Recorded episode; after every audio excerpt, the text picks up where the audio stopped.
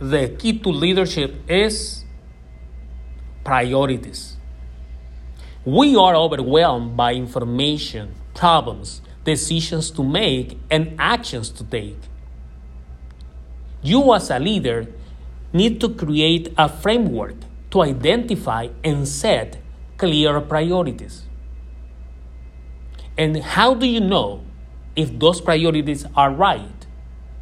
Well, those priorities are right if they are aligned with the progress, development, and growth of your organization and your career.